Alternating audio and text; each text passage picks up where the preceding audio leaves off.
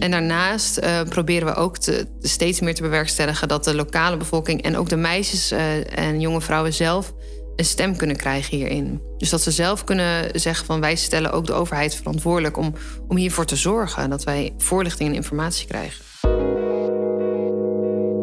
Goedendag, welkom bij de podcast Liefde kent geen dwang. Een podcast van kennis- en expertisecentrum Landelijk Knooppunt Huwelijksdwang en Achterlating. In deze podcast duiken we samen met boeiende gasten in de verhalen die schuilgaan achter onvrije partnerkeuze, liefde en loyaliteit binnen verschillende gemeenschappen en de aanpak van huwelijksdwang en achterlating.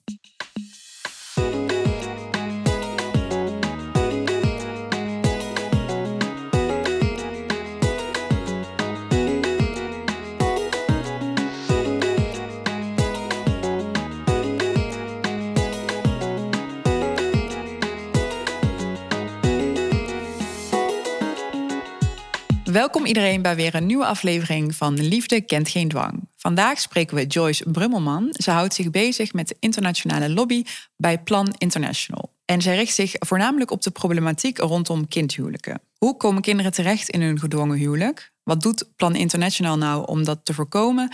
En wat zijn de gevolgen van COVID op deze problematiek? Vandaag spreken wij er met haar over. En natuurlijk ook aanwezig onze vaste tafeldame Dini Vlierman, manager van het Landelijk Knooppunt.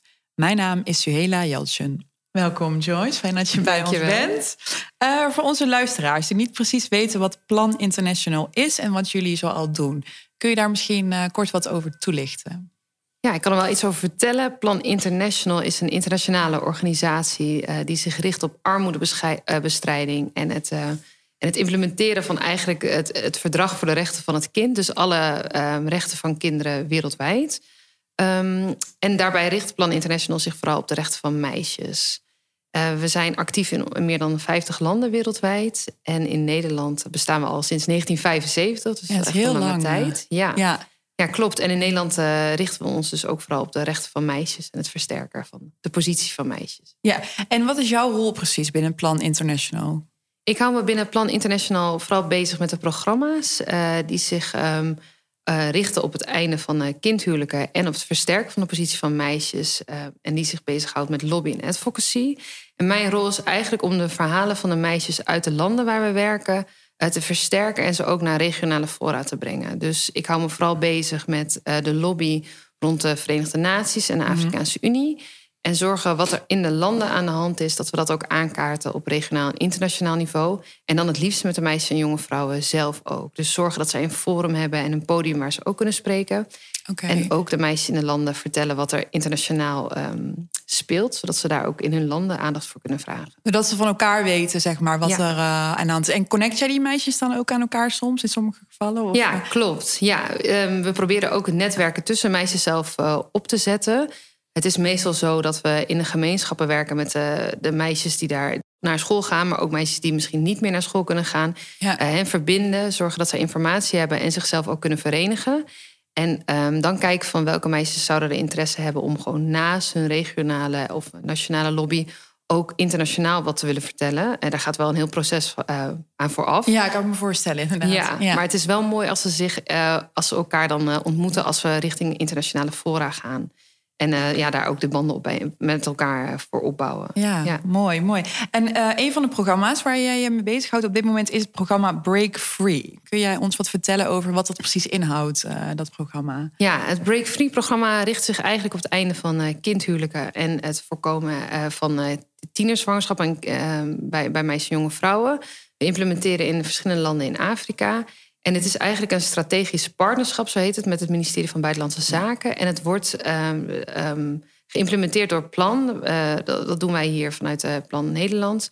Maar het, we werken samen met zuidelijke partners. Um, dat is SRHR Africa Trust, een organisatie die is gevestigd in Zuid-Afrika, maar ook afdelingen heeft in verschillende Afrikaanse landen. Mhm. En we werken samen met uh, eh, FAW, dat is de Forum of African Women Educationalists. En dat is ook een Afrikaanse um, um, gebaseerde organisatie. En met hen vormen we een soort alliantie. Mhm. En met hen gaan we de komende vijf jaar dit programma um, realiseren. We hebben ook technische partners die echt technische ondersteuning geven en kennis. Want er zitten dan een aantal landen, als ik het goed begrijp, binnen dat programma.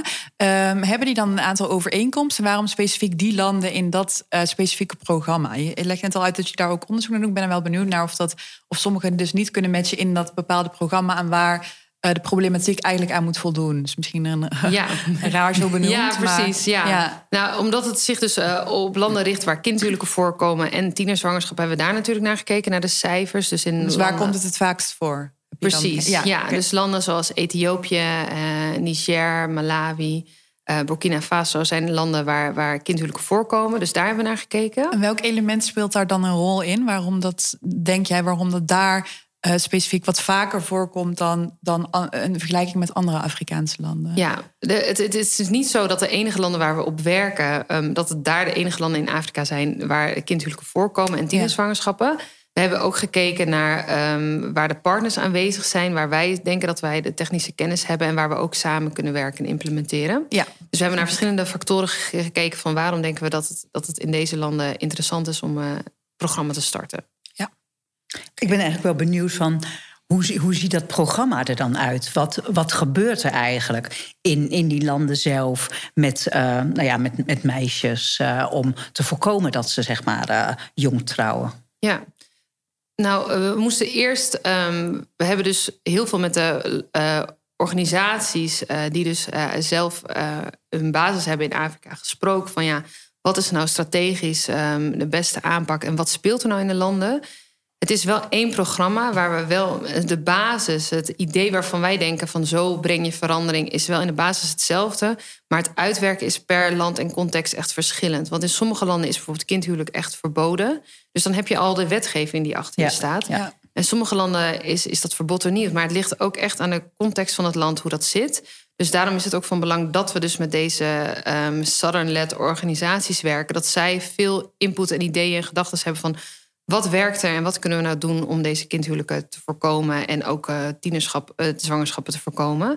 Ehm, en het idee is eigenlijk dat we in elk land werken via drie pilaren. Wij, hebben, wij noemen dat de theory of change. Hoe denken wij dat verandering eh, gebeurt? Wat zijn onze aannames daarbij? En we werken daar sowieso op gemeenschapsniveau ehm, voor. Want we denken dat het heel belangrijk is om van de lokale gemeenschap te horen. Maar ook de re- religieuze leiders en de traditionele leiders van ehm, wat is er hier aan de hand? En ehm, ja, wat zijn de opvattingen Ja. over deze onderwerpen? Daarnaast werken we, en ook gewoon op de gemeenschap met de scholen of met de jongens uit de gemeenschap en meisjes samen. Daarnaast eh, richten we ons op het maatschappelijk middenveld, noemen we dat, de civil society daar. Dus de lokale organisaties die werken in de gemeenschappen. Wat denken zij nu en waar richten zij zich op? Dus het kan zijn dat er in de landen ook organisaties actief zijn voor armoedebestrijding of voor de recht voor kinderen. Maar dat wij graag met hen samen willen werken om, om ook te laten zien van ja, het is ook belangrijk om je te richten op die gendernormen en die genderdiscriminatie en wat er specifiek met meisjes gebeurt. En daar ehm, elkaars eh, capaciteit in te versterken en natuurlijk samen te werken met, de met de lokale organisaties. En het derde pad waar we op werken is echt de lobby en het advocacy. Dus het, het ehm, richting de instituties, richting de overheden, de, de nationale en lokale overheden. Om echt te zeggen, oké, eh, we moeten structurele verandering en versterking van ook die instituties. Dus dat er voorzieningen zijn, dat er ehm, ehm, goed kwalitatief onderwijs wordt gegeven. Um, en als er strafbare feiten gebeuren, dat die dan ook echt vervolgd kunnen worden. En dat er ook de instituties sterk genoeg zijn om daarop uh, op te reageren. En daarnaast uh, proberen we ook te, steeds meer te bewerkstelligen dat de lokale bevolking en ook de meisjes uh, en jonge vrouwen zelf een stem kunnen krijgen hierin. Dus dat ze zelf kunnen zeggen van wij stellen ook de overheid verantwoordelijk om, om hiervoor te zorgen dat wij voorlichting en informatie krijgen. Ja, dus Ja. wat je, waar je het net over had, dat zo'n meisje vanuit die gemeenschap, vanuit dat andere niveau, dan eigenlijk internationaal daar iets over gaat vertellen. Ja. Eigenlijk is dat. eh, Ja, dat- precies. Ja, mooi. Eh, en Dini, we hebben het hier natuurlijk eh, over, over kindhuwelijken eh, in het buitenland. Maar komt, hoe zit het eigenlijk in Nederland? Komt het in Nederland ook voor? Hebben jullie wel eens meldingen over kinderen ja, die onder de 18 zijn? Ja, dat hebben we wel. In Nederland zijn kindhuwelijken eh, verborgen eigenlijk. Eh, sinds eh, eind 2015, toen de wet tegen huwelijksdwang werd versneld werd aangenomen, is zeg maar de uitzondering om te kunnen trouwen als minderjarige die is geschrapt. Voor 2015 kon dat als een meisje zwanger was of als ze moeder was. Dat is toen geschrapt en dat betekent dat beide partners die met elkaar gaan trouwen, dat die allebei 18 jaar moeten zijn. Daardoor, en er waren eigenlijk al heel weinig echte wettige huwelijken, maar daardoor vinden er in Nederland geen wettige huwelijken plaats. Dat betekent dat de kindhuwelijken die gesloten worden, die mhm. worden informeel gesloten. Dat kan ook een religieus huwelijk zijn, maar dat hoeft niet. In ieder geval wordt er getrouwd binnen de gemeenschap. En wat wij ook zien, is uh, dat huwelijken in het buitenland plaatsvinden. En dan herken ik heel erg uh, wat Joyce zegt. Dat is soms in landen waar huwelijken van minderjarige meisjes zijn toegestaan. We zien ook wel dat dat voorkomt in landen waar het misschien niet wordt toegestaan, maar waarbij de overheid toch niet optreedt. Ja, daar te weinig tegen doet. Uh, ja, en dan, dan zien we eigenlijk dat dat meisje daar dan in het buitenland blijft. En als wij dan een melding krijgen, dan uh, onze inzet is om. Uh, als we het hebben over een kindhuwelijk, hebben wij in ieder geval um, alleen maar meldingen gehad van meisjes. Ja. Um, het is niet, ja, ik denk dat het vaker bij meisjes voorkomt dan bij jongens. Maar het kan natuurlijk ook zijn dat de minderjarige trouwt. Um, en die helpen we dan om, uh, om terug te keren naar Nederland.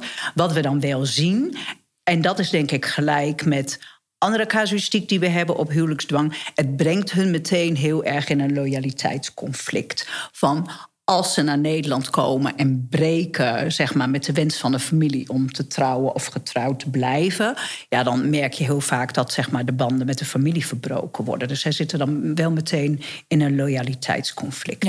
En de gevolgen zijn natuurlijk ook soortgelijk. Ook als je een informeel huwelijk hebt gesloten, de gemeenschap beschouwt je wel dat als getrouwd. Dus dan zijn er meteen ook allerlei verwachtingen over, uh, over moederschap, over. Um, ja, dat heel vaak wordt dan uh, ja, niet meer naar school gegaan. Er worden echt wel verregaande consequenties heeft dat. Ja, precies. Zo'n huwelijk hoeft niet per se altijd wettelijk te zijn om uh, desastreuze gevolgen te hebben voor die slachtoffers natuurlijk. Ja.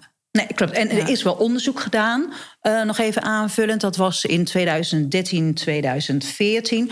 Toen er zeg maar uh, veel uh, Syrische kindbruiden naar Nederland kwamen en daar heel veel ophef over was.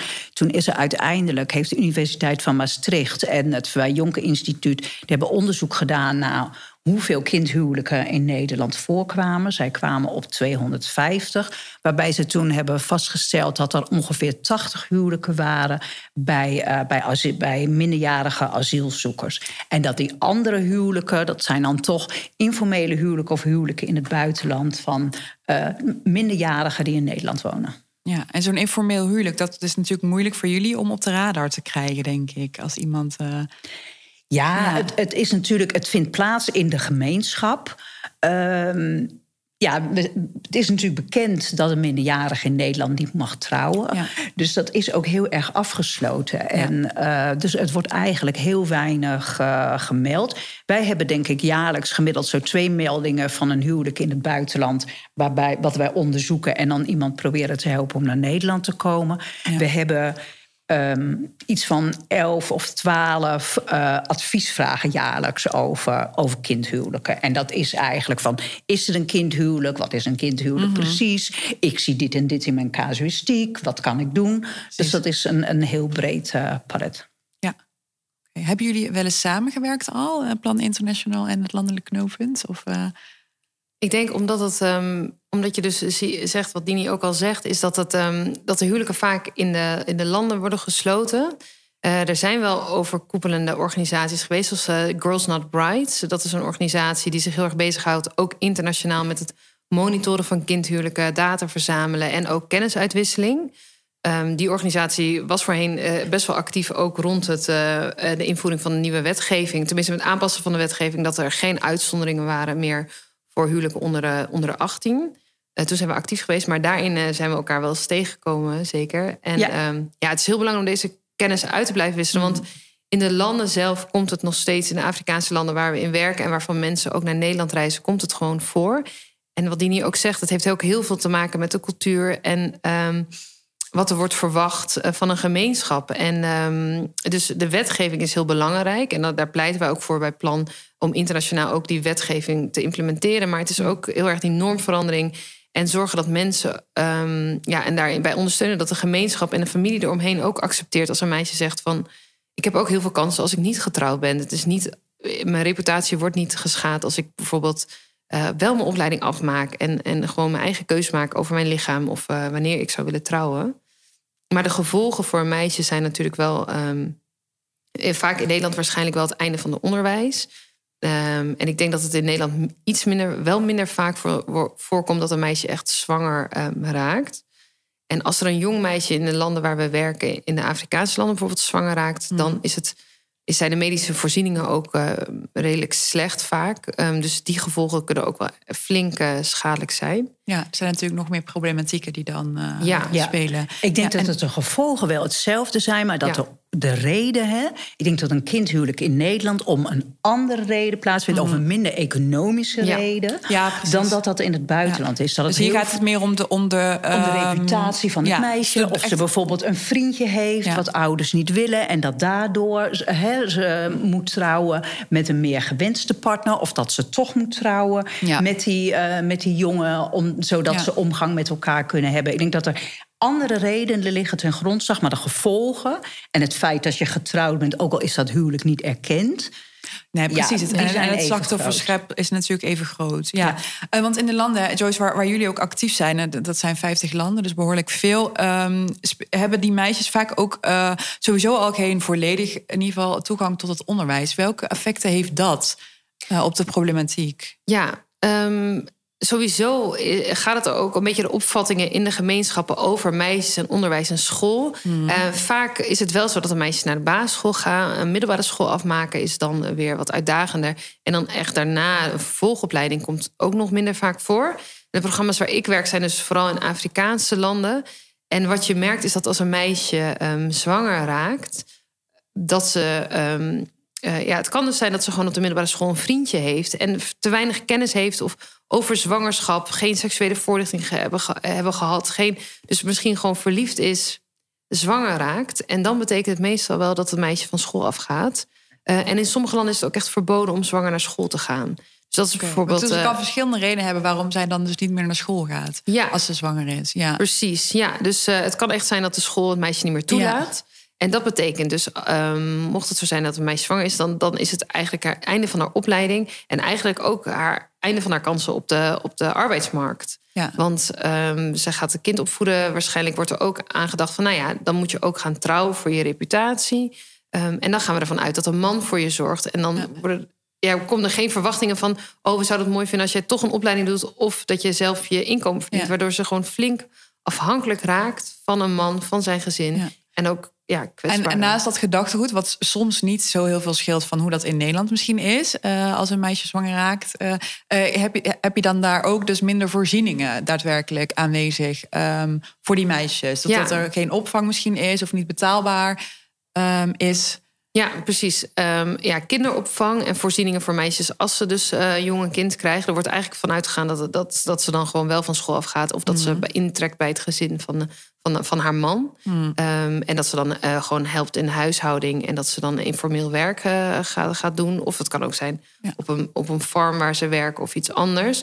Um, dus dat heeft gewoon wel echt gevolgen voor haar. En, en ja, we zien dus heel vaak dat, dat de kans dat een meisje terug gaat naar school... dat het dan dat die echt flink wordt verkleind als ze, als ze zwanger is. Of als ze in het huwelijk treedt, dat ook. Ja, ja.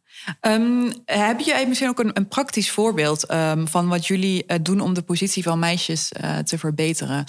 Um, een voorbeeld uit de dagelijkse praktijk, zeg maar. Ja, wat we, wat we doen is dus, omdat het best wel complex is, proberen we dus uh, via verschillende paden te, aan te pakken. Dus zou maar zeggen, het stukje voorlichting, informatie geven over je rechten, informatie geven over gendernorms en in gesprek gaan met lokale leiders en met uh, mensen in de gemeenschap van wat is nou de meerwaarde van het kindhuwelijk? En natuurlijk is het zo complex, want er is armoede en, er, en het is soms ook een enige oplossing. En dan zien van, nou, kunnen we ook kijken naar andere mogelijkheden, dus bijvoorbeeld uh, naar die arbeidsmarkt. Wat we hebben gedaan is bijvoorbeeld in gesprekken gaan met um, opleidingen. Uh, voor bijvoorbeeld een professioneel uh, in de landbouw. Um, dat zijn opleidingen waar vrij weinig meisjes dan um, zich voor inschrijven. En die ook niet echt worden toegelaten of dat de fee hoog is. En dat we dan in gesprek gaan met ehm, die opleiding en zeggen van nou ja, kunnen jullie misschien gaan stimuleren dat meisjes zichzelf ook gaan zien als een professionele farmer, die veehouderij kan doen en dan ook gewoon in zo'n opleiding kan komen. En op het moment dat een meisje in zo'n opleiding is en blijft, is de kans dat ze zwanger raakt en dat ze in een kindhuwelijk uh, eindigt, is, wordt ook echt flink verkleind. Dus voorlichting in gesprek gaan met de gemeenschap en daarnaast het versterken van de maatschappelijke organisatie of het onderwerp en daarnaast ook de internationale lobby. Wat we bijvoorbeeld doen, wat ik in mijn werk doe, omdat ik me vooral bezighoud met het linken naar de internationale fora, kan bijvoorbeeld een voorbeeld geven van een meisje uit Sierra Leone. Mhm. die, was heel, die is heel actief in haar gemeenschap eigenlijk over voorlichting geven over je rechten en met heel veel meisjes praten. Um, ze maakte zichzelf ook zorgen over een buurmeisje wat uitgehuurd zou worden. En ze, ze wou daar echt uh, ook iets tegen doen en over zich over uitspreken. Zij is dan actief met een groep meisjes waar ze regelmatig dan praten over deze onderwerpen, over je rechten, maar ook over seksuele voorlichting, et cetera.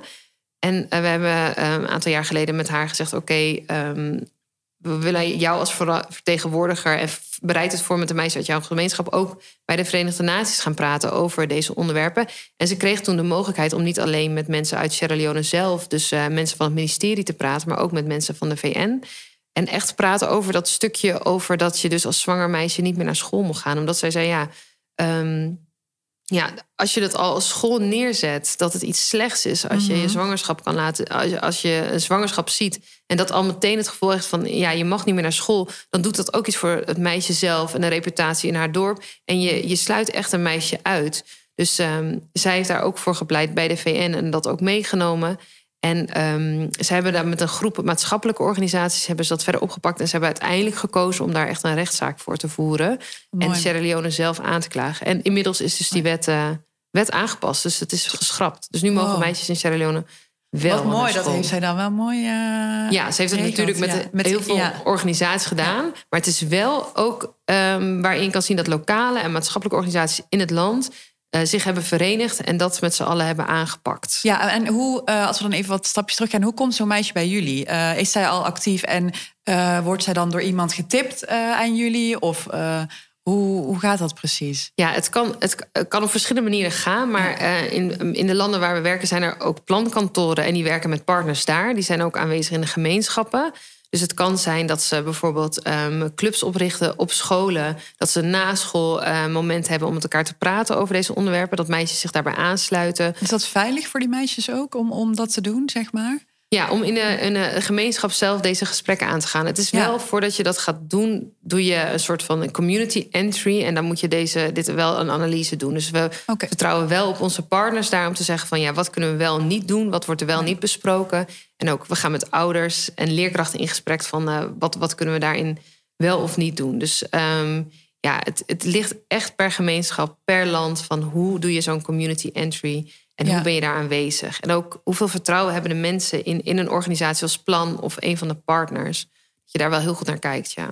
Ja, dat is mooi dat jullie dat doen. Zo'n soort van interventie van wat is veilig en, uh, ja. en wat niet. Ja. ja, want je wil gewoon ja, ten alle tijden voorkomen dat je meer schade toebrengt aan het leven van een meisje. Um, waar je eigenlijk steun aan wil, wil bieden. Ja, mooi. Mooi. Um, ja, nu is het dan even tijd voor onze rubriek. Even inzoomen op. Um, je hebt ons net verteld over jullie werkwijze, uh, Joyce. Um, en hierin kwam dus ook heel duidelijk naar voren dat jullie meisjes en jonge vrouwen een stem proberen te geven. Wie hier ook hard aan werkt is een uh, Keniaanse collega van jou, Elsie Masawa. Um, zij is uh, Youth Advocacy Advisor bij Plan International. En we gaan zo naar een kort fragment luisteren waarin zij over haar werk vertelt. Maar zou je haar even kort kunnen introduceren? Wie is Elsie? Ja, Elsie is uh, zelf een jonge, jonge vrouw, een Keniaanse vrouw, uh, die dus heel veel kennis heeft over uh, de rechten van meisjes en ook de context in, in de landen waar ze mee werken. En haar rol binnen ons programma is eigenlijk het, het, het, het linken van de stem van de meisjes met die regionale fora en ook netwerken met ze te bouwen. Dus um, Um, zij, zij, gaat met ze in gesprek en zij zorgt ook dat de meisjes uit verschillende landen eigenlijk op een safe space, op een veilige manier, hun gedachten met elkaar kunnen wisselen. Dus dat is niet alleen fijn voor de meisjes en jonge vrouwen zelf, voor een, zou maar zeggen, mental health, om gewoon te vertellen van nou, wat doet dat nou met je?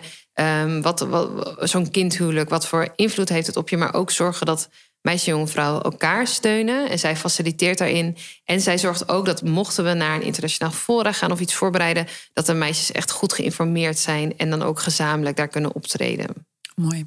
Laten we gaan luisteren. Our struggles as girls and young women in Africa are struggles for voice, space, and influence for the realization of our full potential. Hi, my name is Elsie Masava, and I am a youth advocacy advisor at Plan International working under She Leads program. Globally, more than 33,000 girls are forced into child marriage every 24 hours. Every year, more than 4 million girls are subjected to female genital mutilation. Son preference, gender bias sex selection, and other harmful practices cause gender imbalances that negatively impact the fabric of societies. In sub Saharan Africa, there are a myriad of harmful practices within our communities and multiple forms of violence against women and girls that patriarchy uses as a weapon to keep women and girls trapped in inequality. These practices are reinforced by the exclusion of young women, whose voices and stories are often erased and go unnoticed. Why is this? Because they face double discrimination as they are young and female. Research has shown us that West African countries have the highest prevalence of child marriage compared to East and Southern Africa regions. Niger has the highest prevalence of child marriage in the world, with 76% of girls and young women aged between 20 to 24 married before the age of 18. Studies have further shown that social norms and poverty dictate child marriage, as poverty and the option of receiving a dowry is a key factor for child marriage in countries like Malawi, Kenya, Mozambique, and Zambia. Social norms depend on ethnicity and culture. Preserving the family honor by protecting a girl's virginity and by preventing pregnancy outside marriage are often factors in decisions to marry off a girl when she reaches puberty in Mali, in Niger, and in Sudan, and also in Ethiopia. Education and prevalence of child marriage are linked, as fewer women with a secondary education or higher are subject to child marriage in countries like Niger. Parents usually have the decision making authority when it comes to child marriage in these countries. The impact of COVID 19 entrenches the complex challenges that girls and young women currently face. The pandemic has added to the already existing structural injustices, creating further challenges that deepen social and cultural economic inequalities. Essential services such as access to sexual health and sexual and reproductive health, health services in Africa have been heavily disrupted. Not to forget the increase in the number of domestic violence cases since the pandemic began. In addition, women and girls are disproportionately affected due to inequities of access to information, prevention, and protection.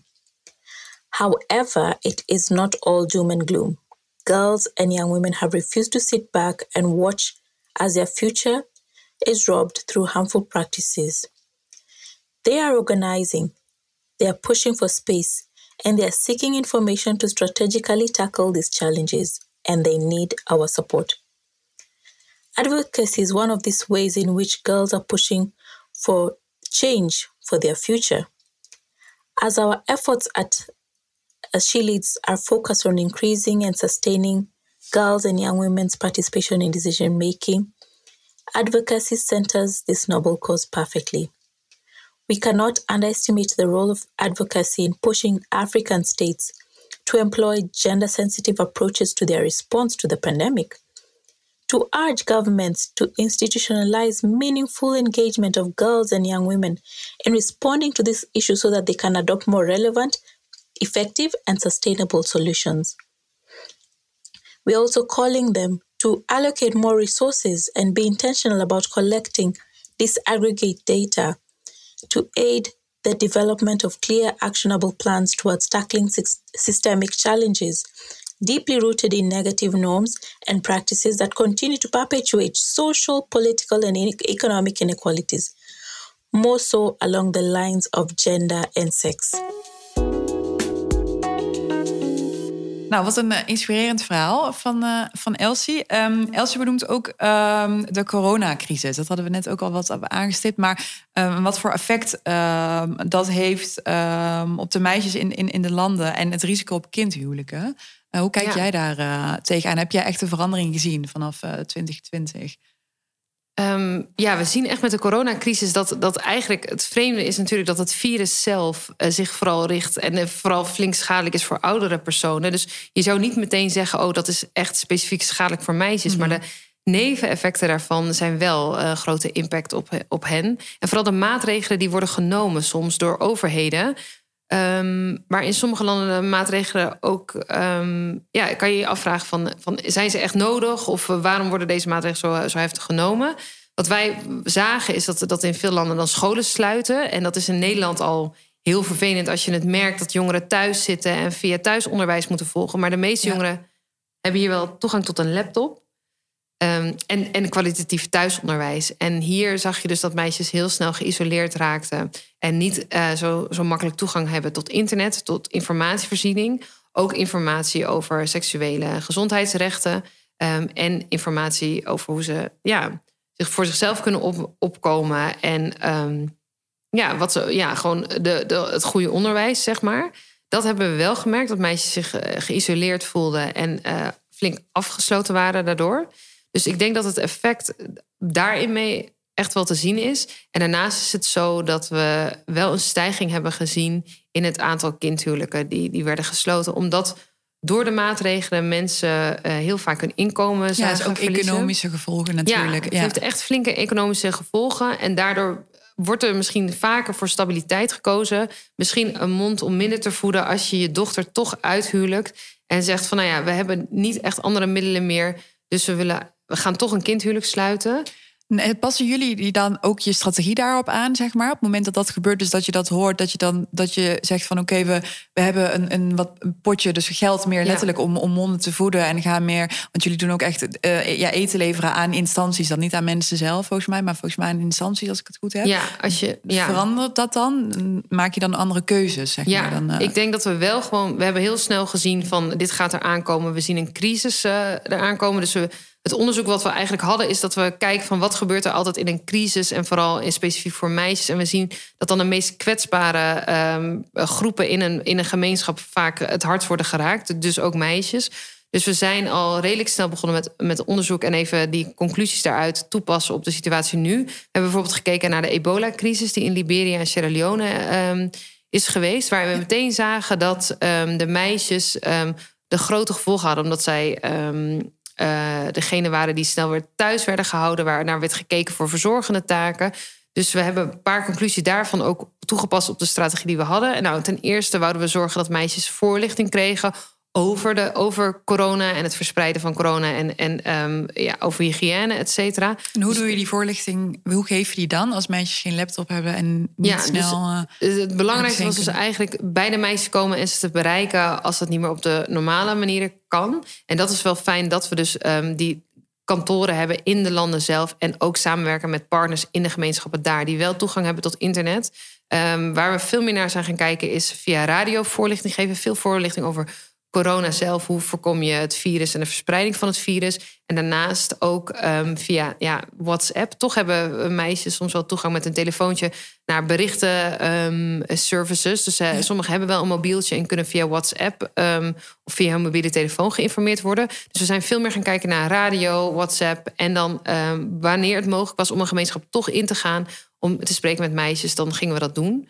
Um, nou ja, je had naast lockdowns heb je ook avondklokken waarbij je uh, thuis moest blijven, waar meisjes uh, ook um, soms in hun vrijheid werden beperkt. En um, we zagen dus het kindhuwelijken toenemen, maar ook gewoon vormen van geweld, huiselijk geweld. ja, als de situatie minder stabiel wordt binnen, binnen het huis, dan is het ook voor die meisjes uh, naarder en gevaarlijker. En vooral als ze dus, ja, als ze dus in een kindhuwelijk terechtkomen. Um, en we zagen ook dat meisjes zich verantwoordelijk voor voelden voor um, toch inkomen te genereren. Dus dat we ook seksuele uitbuiting uh, zagen. Oh, ja. Ja. Dus ook op die manier uh, werd er geld verdiend. Uh, ja, niet, als je niet meer op andere manieren... als de winkels zijn gesloten, restaurants gesloten... dan zie je ook dat er, dat er naar andere manieren wordt gezocht... om toch geld binnen te halen. Dus ja, de seksuele uitbuiting is ook een zorgpunt daarbij. Ja. ja zeker een zorgpunt. Herkennen jullie dat ook, eh, Dini, dat er bij jullie meer meldingen binnen zijn gekomen na, na 2020? Door... Um, ja, in 2020 wat me opviel was in de coronacrisis... en zeker toen we die lockdown hadden in, um, in Nederland... kregen we niet of nauwelijks meldingen.